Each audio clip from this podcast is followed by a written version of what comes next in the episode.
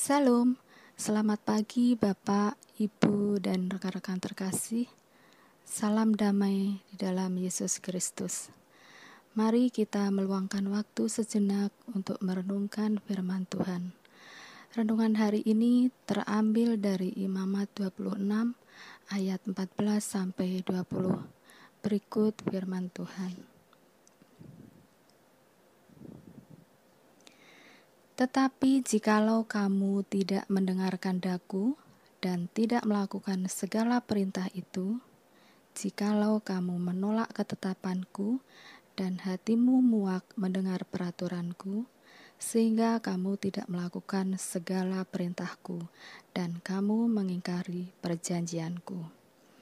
Maka aku pun akan berbuat begini kepadamu, yakni aku akan mendatangkan kejutan atasmu, batuk kering serta demam, yang membuat mata rusak dan jiwa merana. Kamu akan sia-sia menabur benihmu, karena hasilnya akan habis dimakan musuhmu. Aku sendiri akan menentang kamu, sehingga kamu akan dikalahkan oleh musuhmu, dan mereka yang membenci kamu akan menguasai kamu, dan kamu akan lari sungguh pun tidak ada orang mengejar kamu. Dan jikalau kamu dalam keadaan yang demikian pun tidak mendengarkan daku, maka aku akan lebih keras menghajar kamu sampai tujuh kali lipat karena dosamu. Dan aku akan mematahkan kekuasaanmu yang kau banggakan dan akan membuat langit di atasmu sebagai besi dan tanahmu sebagai tembaga, maka tenagamu akan habis dengan sia-sia.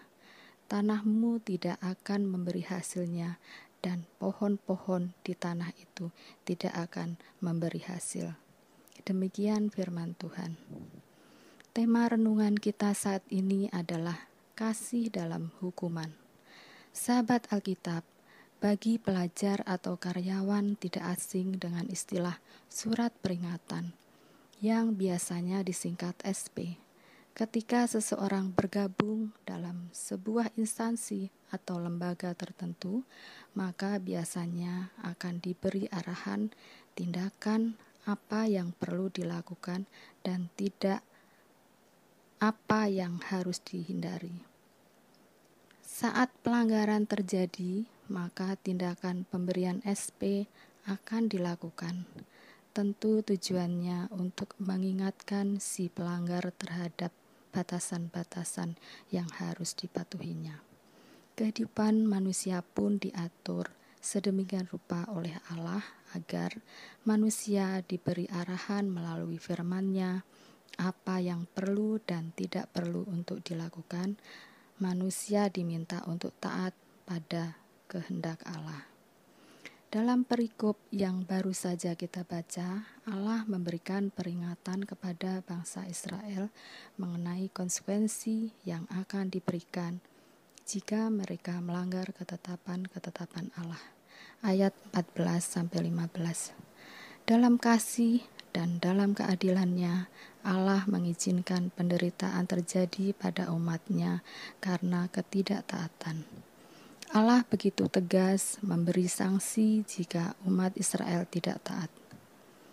Dalam ayat 16 sampai 20 dijelaskan bahwa akan ada penderitaan secara fisik dan psikis, tidak dapat menikmati hasil usaha sendiri, serta hidup dalam penindasan dan ketakutan. Setelah hukuman tersebut diberikan dan bangsa Israel tidak bertobat, maka Allah akan menambah hukuman mereka. Ayat 18. Sangat jelas bagi kita melalui ayat ini bahwa tujuan Allah memberi konsekuensi adalah agar umatnya kembali taat dan menghormati Allah yang telah membebaskan mereka dari perbudakan. Sahabat Alkitab, Mari kembali menata diri kita. Terkadang penderitaan, kesengsaraan, dan hukuman diizinkan Tuhan agar kita kembali mencari Dia. Hidup dalam ketaatan yang sungguh-sungguh karena Allah begitu mengasihi kita. Salam Alkitab untuk semua. Sahabat Alkitab di mana pun Anda berada, salam sejahtera untuk kita semua. Kita patut bersyukur kepada Tuhan karena kita terus menikmati berkat-berkatnya dalam hidup ini. Mari sejenak kita mengakrabkan diri dengan firman Tuhan dan bacaan kita hari ini terambil dari Imamat pasal 26 ayat 21 hingga 26. Demikian bunyinya. Jikalau hidupmu tetap bertentangan dengan daku, dan kamu tidak mau mendengarkan daku, maka aku akan makin menambah hukuman atasmu sampai tujuh kali lipat setimpal dengan dosamu aku akan melepaskan kepadamu binatang liar yang akan memunahkan anak-anakmu dan yang akan melenyapkan ternakmu, serta membuat kamu menjadi sedikit, sehingga jalan-jalanmu menjadi sunyi. Jikalau kamu dalam keadaan yang demikian pun tidak mau kuajar, dan hidupmu tetap bertentangan dengan daku, maka aku pun akan bertindak melawan kamu dan aku sendiri akan menghukum kamu tujuh kali lipat karena dosamu. Dan aku akan mendatangkan ke atasmu suatu pedang yang akan melakukan pembalasan oleh karena perjanjian itu. Bila kamu berkumpul kelak di kota-kotamu, maka aku akan melepas penyakit sampar ke tengah-tengahmu, dan kamu akan diserahkan ke dalam tangan musuh jika aku memusnahkan persediaan makananmu, maka sepuluh perempuan akan membakar roti di dalam satu pembakaran. Mereka akan mengembalikan rotimu menurut timbangan tertentu, dan kamu akan makan tetapi tidak menjadi kenyang. Demikianlah firman Tuhan.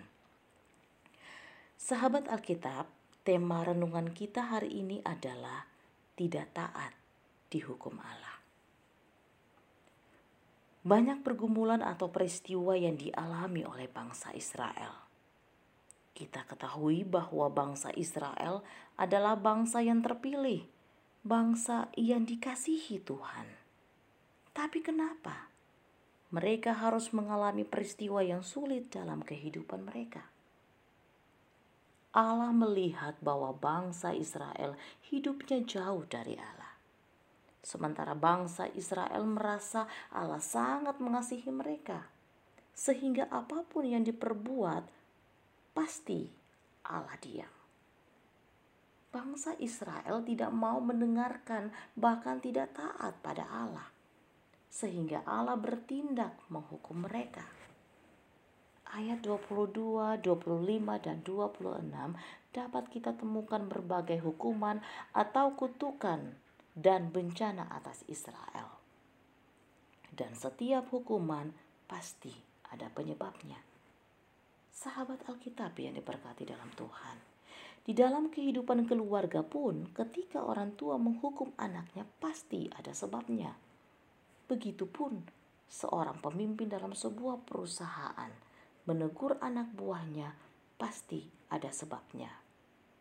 Setiap teguran atau hukuman bukan karena benci atau tidak suka, melainkan untuk sebuah kebaikan. Nah, sama halnya dengan kita.